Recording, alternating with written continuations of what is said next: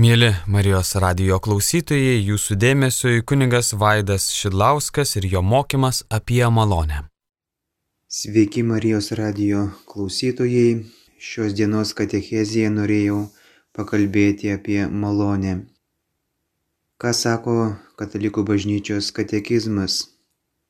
Mūsų nuteisinimas kyla iš Dievo malonės. Malonė yra Dievo palankumas, neužsitarnaujamai teikiama pagalba, kad atsilieptume į jo pašaukimą.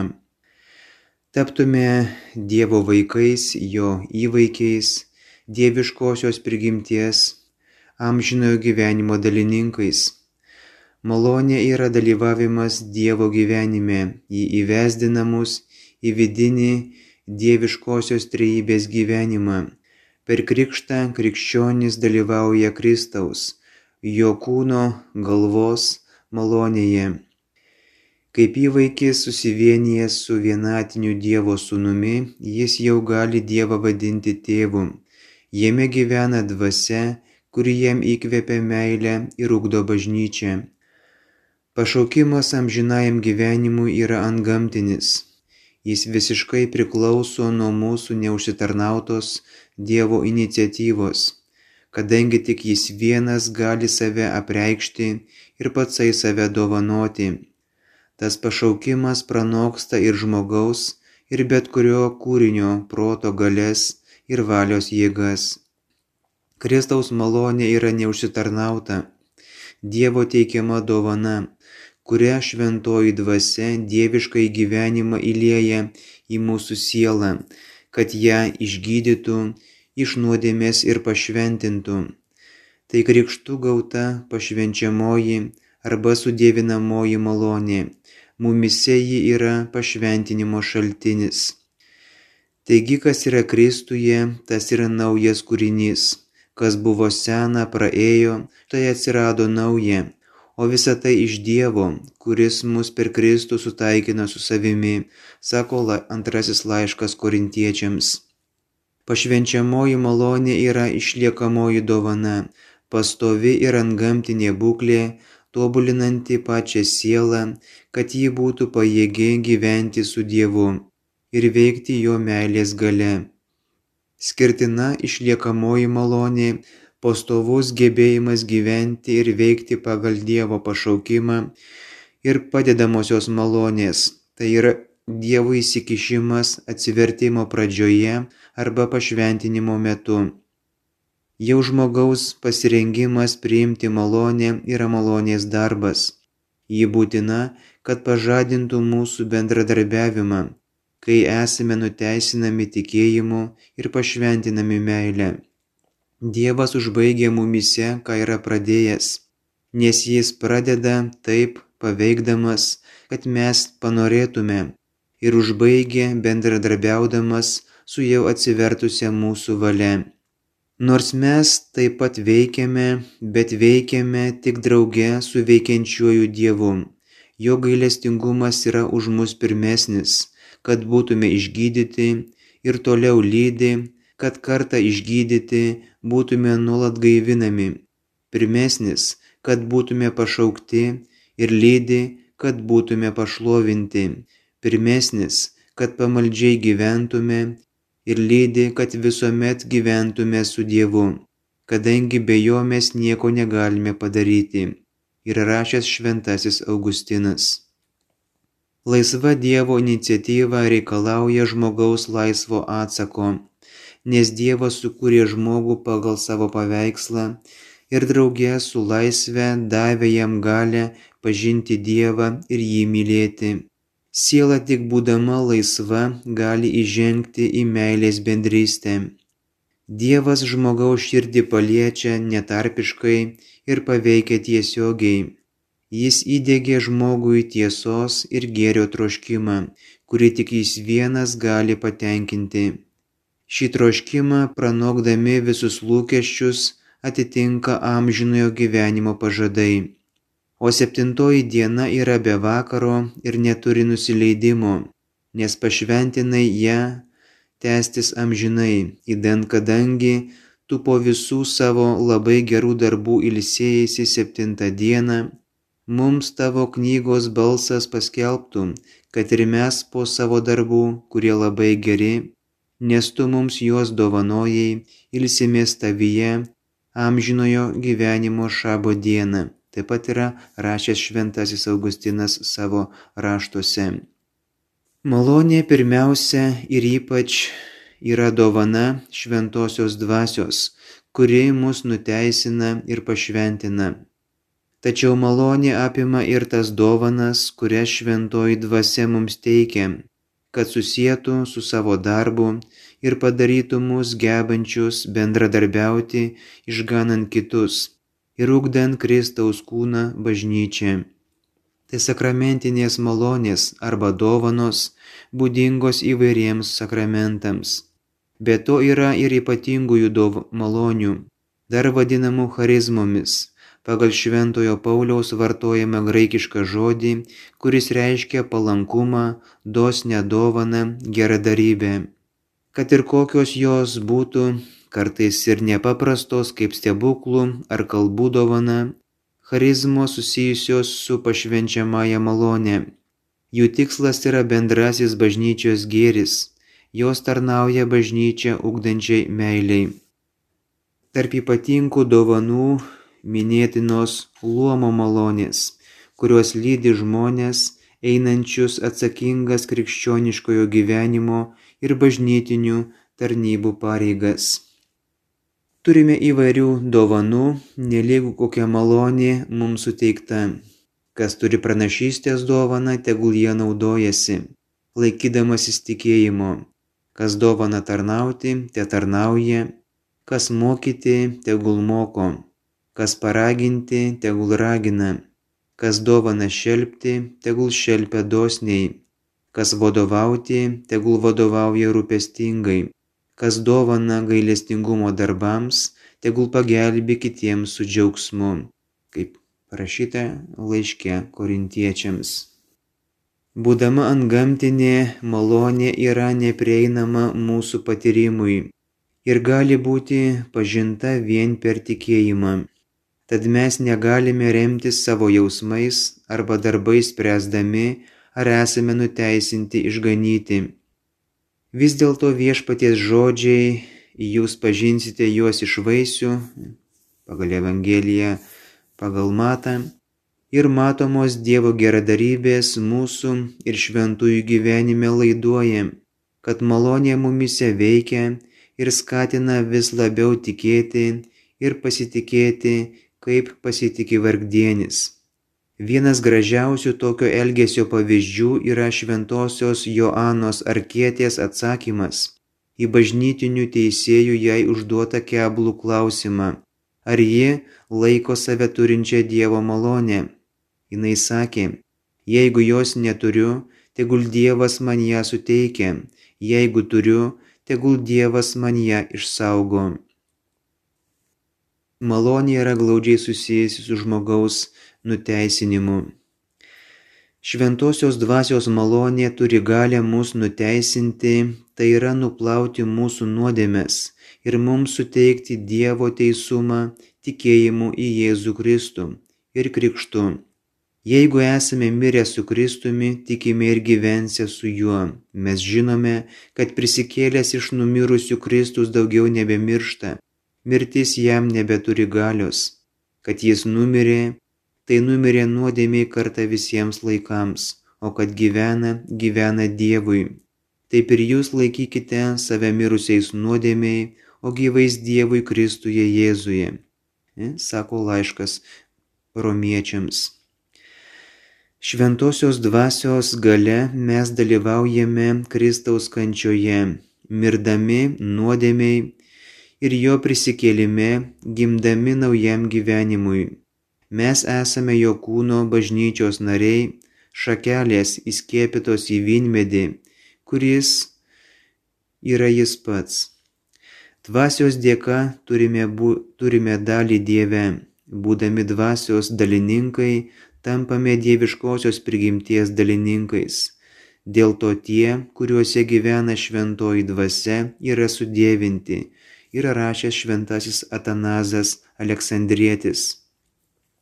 Pirmasis šventosios dvasios malonės veikimo vaisius yra atsivertimas, kuris nuteisina, kaip yra skelbęs Jėzus Evangelijos pradžioje. Atsiverskite, nes čia pat dangaus karalystė. Malonės veikiamas žmogus atsigręžia į Dievą ir nusigręžia nuo nuodėmės. Taip jis gauna atleidimą ir teisumą iš aukštybių. Šis nuteisinimas nėra tik nuodėmių atleidimas, bet ir vidinio žmogaus pašventinimas bei atnaujinimas. Išteisinimas išlaisvina žmogų nuo nuodėmės, kuri prieštarauja Dievo meiliai ir nuvalo jo širdį. Nuteisinimas kyla iš gailestingumo, atleidimą teikiančio Dievo iniciatyvos. Jis sutaikina žmogų su Dievu išvaduoja iš nuodėmės vergyjos ir gydo. Nuteisinimas drauge yra ir tikėjimu į Jėzų Kristų priimtas Dievo teisumas. Teisumas reiškia, kad dieviškoji meilė yra teisi. Drauge su nuteisinimu mūsų širdis pripildo tikėjimas, viltis ir meilė. Mums suteikiama dovana paklusti Dievo valiai. Nuteisinimą mums pelnė Kristaus kančia. Jis paukojo save ant kryžiaus kaip gyvą, šventą, Dievui patinkančią atnašą. O jo kraujas tapo permaldavimu už visų žmonių nuodėmės priemonė. Nuteisinimas teikiamas krikštu, tikėjimo sakramentu. Jis padaro mus panašius į teisų į Dievą, kuris savo gailestingumo gale mus daro teisius iš vidaus. Nuteisinimo tikslas yra Dievo ir Kristaus garbė ir amžinojo gyvenimo dovana. Kaip sako raštas, bet dabar be įstatymo pasireiškė Dievo teisumas, paliudytas įstatymo ir pranašų. Tai Dievo teisumas, tikėjimu į Jėzų Kristų duodamas visiems tikintiesiems Nėra jokio skirtumo, nes visi yra nusidėję ir stokoja Dievo garbės, o nuteisinami dovanai, jo malonė, dėl Kristaus Jėzaus atpirkimo. Dievas jį paskyrė permaldavimo auka, jo kraujo gale veikiančia per tikėjimą. Jis panorėjo parodyti savo teisumą tuo, kad nenubaudė už nuodėmės padarytas anksčiau dieviškojo kantrumo laikais ir norėjo parodyti savo teisumą dabartiniu metu, pasirodydamas esas teisus ir nuteisinantis tą, kuris tiki į Jėzų. Iš laiško romiečiams. Nuteisinimas leidžia bendradarbiauti Dievo maloniai ir žmogaus laisviai. Jis pasireiškia tuo, kad žmogus tikėjimu pritarė jį atsiversti šaukiančiam Dievo žodžiui, o meilė bendradarbiauja su tą pritarimą pranokstančiu ir remiančiu šventosios dvasios veikimu. Kai Dievas paliečia žmogaus širdį, apšviesdamas jį šventąją dvasę, nei pat žmogus nelieka visiškai pasyvus, priimdamas šį įkvėpimą, juo labiau, kad gali jį ir atmesti, nei pasidaro teisus Dievo akise vien savo laisvą valią be jo malonės. Iš Šventojo Tridento susirinkimo raštų. Nuteisinimas yra iškiliausias Dievo meilės darbas. Jėzus Kristus apreikštas ir šventosios dvasios įvykdomas. Šventasis Augustinas mano, kad bedievio nuteisinimas yra didesnis darbas už dangaus ir žemės sukūrimą, nes dangus ir žemė praeis, o išrinktųjų išganimas ir nuteisinimas pasiliks. Jis net mano, kad nusidėjėlių nuteisinimas taip pat pranoksta teisiųjų angelų sukūrimą, nes tai parodomas dar didesnis gailestingumas. Šventajame rašte yra daug žodžių, daug rašyta apie malonę, tai truputį bent kažkiek tai citatų iš švento rašto parinkau, kurie kalba apie malonę. Tas žodis tapo kūnu ir gyveno tarp mūsų. Mes regėjome jo šlovę, šlovę tėvo viengimio sūnaus pilno malonės ir tiesos iš Evangelijos pagal Joną. Iš jo pilnatvės mes visi gavome malonę po malonės, taip pat iš Evangelijos pagal Joną. Aukite malonę ir mūsų viešpaties ir gelbėtojo Jėzaus Kristaus pažinimu. Jam šlovė dabar ir per amžius. Amen. Iš antrojo Petro laiško bet kiekvienam iš mūsų duota malonė pagal Kristaus dovanos saiką iš laiško Efeziečiams. Be to įstatymas įsiterpė, kad nusikaltimas dar labiau padidėtų, bet kur buvo apstų nuodėmės, ten dar apstesnė tapo malonė. Kągi sakysime, gal mums pasilikti nuodėmėje, kad gausėtų malonė? Jokių būdų, mirę nuodėmiai, kaipgi gyvensime joje. Argi nežinote, jog mes pakrikštyti Jėzuje Kristuje buvome pakrikštyti jo mirtyje. Taigi, krikštu mes esame kartu su juo palaidoti mirtyje, kad kaip Kristus buvo prikeltas iš numirusių tėvo šlove, taip ir mes gyventume naują gyvenimą, sako laiškas romiečiams. Tarnaukite vieni kitiems kaip geri visokeriopos Dievo malonės tvarkytojai, sulik kiekvieno gautąją dovaną. Iš Petro laiško. Taigi paveldėjimas priklauso nuo tikėjimo, kad būtų iš malonės, ir pažadas būtų tikras visiems palikuonims, ne tik tiems, kurie remiasi įstatymu, bet ir tiems, kurie turi tikėjimą Abraomo, kuris yra mūsų visų tėvas iš laiško romiečiams. Bet su dovana yra ne taip kaip su kalte. Jei dėl vieno žmogaus nusikaltimo mirė daugelis, tai tuo labiau Dievo malonė ir malonės dovana per vieną žmogų, Jėzų Kristų, gausiai atiteko daugybei. Iš laiško romiečiams. Nes visi nusidėjo ir stokoja Dievo šlovės o išteisinami dovanai jo malonė dėl atpirkimo, kuris yra Kristuje Jėzuje. Taip pat iš laiško romiečiams. Nes jūs esate išgelbėti malonę per tikėjimą ir tai ne iš jūsų, tai Dievo dovana ir ne dėl darbų, kad kas nors nesigirtų. Pagal laišką Efeziečiams. Taip pat radau apie malonę Jėzuito Tamošaičio, kuris yra parašęs straipsnį apie pašvenčiamąją Dievo malonę. Tai ir jums dalį to straipsnio pateiksiu. Pašvenčiamoji Dievo malonė yra svarbiausias veiksnys mūsų dvasinėme gyvenime. Jei žmogus miršta, ją turėdamas, pasieks amžinąją laimę. Jei skiriasi su šiuo pasauliu be jos, bus amžinai nelaimingas. Visi apie pašvenčiamąją malonę esame daug girdėję, bet gal ne visiems yra aišku, kas ji yra. Dalykai, su kuriais dažniausiai susidurėme, neretai praranda mūsų gyvenime savo reikšmę ir tikrąją prasme. Šiuo atžvilgiu ir pašvenčiamoji malonė nėra išimtis. Vieną tik turime prisiminti, jei pats Dievo sūnus nebejojo dėl jos ateiti pas mus, čia gyventi ir pagaliau atiduoti savo gyvybę, pašvenčiamoji malonė turi būti kažkas labai svarbu, didinga ir kilnu. Sielos vadovai tikinčiuosius dažnai įspėja, jog ją praradęs žmogus visą praranda, o ją turys yra neįkainojamo lobio savininkas. Taip sakydami jie siekė negražią hiperbolę padaryti klausytojams įspūdį, bet iškelti viešumon objektyvę, neiškraipytą ir nepagražintą tiesą.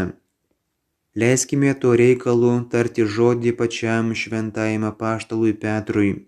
Jis pradeda savo antrąjį laišką tikintiesiems sakydamas, jog per Kristų Dievas yra mums davęs didžiausių ir brangiausių dovanų kad jos padarytų mus dieviškosios prigimties dalininkais. Dieviškosios prigimties dalininkas štai ką iš tikrikščionio pašvenčiamoji malonė padaro. begalinė ir amžina būtybė Dievas skendi amžinoje laimėje ir amžiname džiaugsme. Jo protui nėra paslapčių, jo gale nežino ribų, jo gerumas bekraštis. Kitaip ir būti negali, nes paties Dievo savoka to reikalauja arba begalinis, arba jokio Dievo. Jo pažinimo ir valios galių taip pat joks kitas objektas negali patenkinti, kaip tik begalinis gėris ir grožis, jis patsai. Ir štai to begalinio savo gerumo vedinas Dievas nutarė leisti žmogui gyventi savo paties dieviškų gyvenimų kitais žodžiais tariant leisti pažinti ir mylėti save patį. Tiesa žmogus pažįsta Dievą iš jo kūrinių, jį myli ir jam už tai yra dėkingas. Bet viešpats nori duoti daug daugiau, kūriniai yra tik Dievo atvaizdas. Bet daug tvariniai yra labai netobulas Dievo paveikslas net kilniausiame iš jų žmoguje teįdėta vien kruopelytė Dievo grožio ir patrauklumo. Ir moters švelnumas, ir vyro jėga, ir gležnutis vaikas yra tartum keletas nutiškusių lašų iš grožio ir gėrio šaltinio Dievo. Dievas nori leisti mums save pažinti ne tame netobulame paveiksle, bet tokį, koks jis yra iš tikrųjų, veidas į veidą. Pažinti, mylėti ir pripildyti savo širdis nežemišką laimę. Tačiau tvarinys iš savęs to nepajėgia. Tai nėra dėl to, kad Dievas būtų toli arba gyventų užsidaręs už nepermatomų sienų. Kurčiam gali visiškai čia pat groti gražiausią muziką, bet jis jos negirdės aklas nors ir prieš žaviausią paveikslą pastatytas, jo negali gerėtis. Ir šuo nepajėgia gyventi žmogiškų gyvenimų, nes gyvulio prigimtis neturi savyje to gyvenimo prado, dvasinės sielos. Pašvenčiamoji malonė kaip tik ir yra dieviškojo gyvenimo pradas.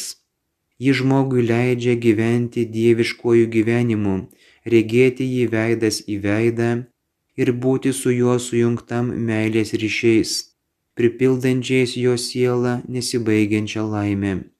Kokia vertinga ir žmogų sukilinanti dovana.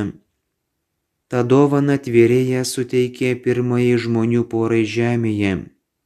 Į ją neturėjome jokios teisės, lygiai kaip gyvulio jūslinė prigimtis negali pretenduoti į protingos būtybės gyvenimą, skustis, kad jo neturi. Dėl to jai ir duotas vardas malonė, tai yra neužpelnyta, nemokamai duota Dievo dovana. Nuodėmė pirmieji tėvai tą dovaną prarado savo ir savo einijai. Kristus savo gyvenimu ir mirtimi užpelnė, kad ji būtų mums vėl sugražinta. Dėl to ta dovana dar vadinama išteisinančia malonė. Išgimtąją nuodėmę pažymėto nusidėjėlio ji padaro teisųjį, iš vergo Dievo vaiką, iš priešo draugą. Vadinama pašvenčiamąją malonę, nes ji pakeldama žmogaus prigimti padaro mus panašius į šventąjį Dievą. Jei pirmieji žmonės nebūtų nupuolę, būtume gimę su ta dovana, tačiau dabar gimstame be jos. Žmogui, motinos pagimdytam, reikia krikštu gimti dieviškajam gyvenimui. Jei kas net gims iš vandens ir šventosios dvasios, negalės įeiti į Dievo karalystę, yra pasakęs Kristus Evangelijoje pagal Joną. Iš čia yra suprantamas dar ir kitas tos pačios dovanos vardas - atgimimo malonė. Ne vienas turbūt pagalvos, kad jei pašvenčiamoji malonė sudėvina mūsų prigimti, dėl ko mes pasiliekame paprasti tvariniai, vargingi žmonės, kaip ir buvę. Juk tas mūsų minėtas šuo, gavęs protingą sielą, matytų prieš savo akis atsiveriant naujus horizontus ir naujus pasaulius. Ta dėl ko žmogus pasilieka toks, kaip ir pirmiau, jeigu jo prigimtis yra pasikeitusi. Dievo taip yra sutvarkyta, kad tas dieviškojo gyvenimo pradas, duodamas mūsų prigimčiai tartum sėklą, kuri vien danguje taps pilnai subrendusiu medžiu. Tačiau dėl to ji nėra mažiau verti, vertintina dovana. Ar netiesa, kad mažytėje sėkloje yra visas medis? Jei netikime, viename savo sodo kampe užkaskime gilę, kitame akmenuką. Iš išvaizdos nedaug juodų vienas nuo kito tesiskiria, bet pažvelgę į sodą po eilės metų pamatysime skirtumą. Viename kampe oš plačiašakis ažolas, o kitas bus toks, kaip buvęs, tuščias. Vargas žmogui, kuris neišsineš šio pasaulio savyje pasietos dieviškojo gyvenimo sėklos, pašvenčiamosios malonės. Jis bus nesugražinamai pražudęs savo amžinąją laimę. Tarp gyvenimo su pašvenčiamąją malonę žemėje ir džiaugimosi dangaus laimė po mirties nėra esminio skirtumo. Anapus matysime Dievą vien dėl to, kad mūsų naujosios prigimties galios bus tapusios panašios į Dievo jas gali patenkinti vien begalinės būtybės regėjimas ir meilė. Tačiau kiekviena prigimtis reikalauja, kad jos pajėgos būtų išpildytos. Kitaip pats tvėrėjas prieštarautų savo išminčiai, kurdamas be tikslo. Malonės gyvenimas šioje žemėje ir Dievo regėjimas veidas į veidą anapus tesiskiria kaip du brangus akmenys vienas nušlifuotas, kitas dar ne. Tačiau ar abu nėra tos pačios aukštos vertės deimantai? Žiūrėkite, kokią meilę tėvas yra mums davęs. Mes vadinamės Dievo vaikai ir esame. Brangieji, dabar mes esame Dievo vaikai, bet dar nepasirodė, kas būsime. Mes žinome, kad kai pasirodys, būsime panašus į jį nes matysime jį tokį, koks jis yra, sako Evangelija pagal Joną. Mūsų panašumas į Dievą ir amžinosios laimės dydis priklauso nuo pašvenčiamosios malonės augimo šioje žemėje. Juo daugiau čia jos pasodintas medelis bus puoselėjimas ir auginamas sakramentų malonė ir nuopelningais darbais, tuo daugiau atneš vaisių tvėrėjo garbiai ir mūsų nesibaigiančiam džiaugsmui kitame gyvenime. Ir rašęs savo straipsnėje Jėzuitas Tamošaitis. Ir pabaigai popiežiaus Leono didžiojo mintis, šūkis - pažink krikščionį savo kilnybę, tapęs dieviškosios prigimties dalininku, negryžk atgal į skurdėjivos luomą, savo prakilnumui netinkančių elgesių. Ačiū visiems klausiusiems. Mėlyjeji savo mintimis apie malonę dalinosi kunigas Vaidas Šidlauskas. Likite su Marijos radijumi.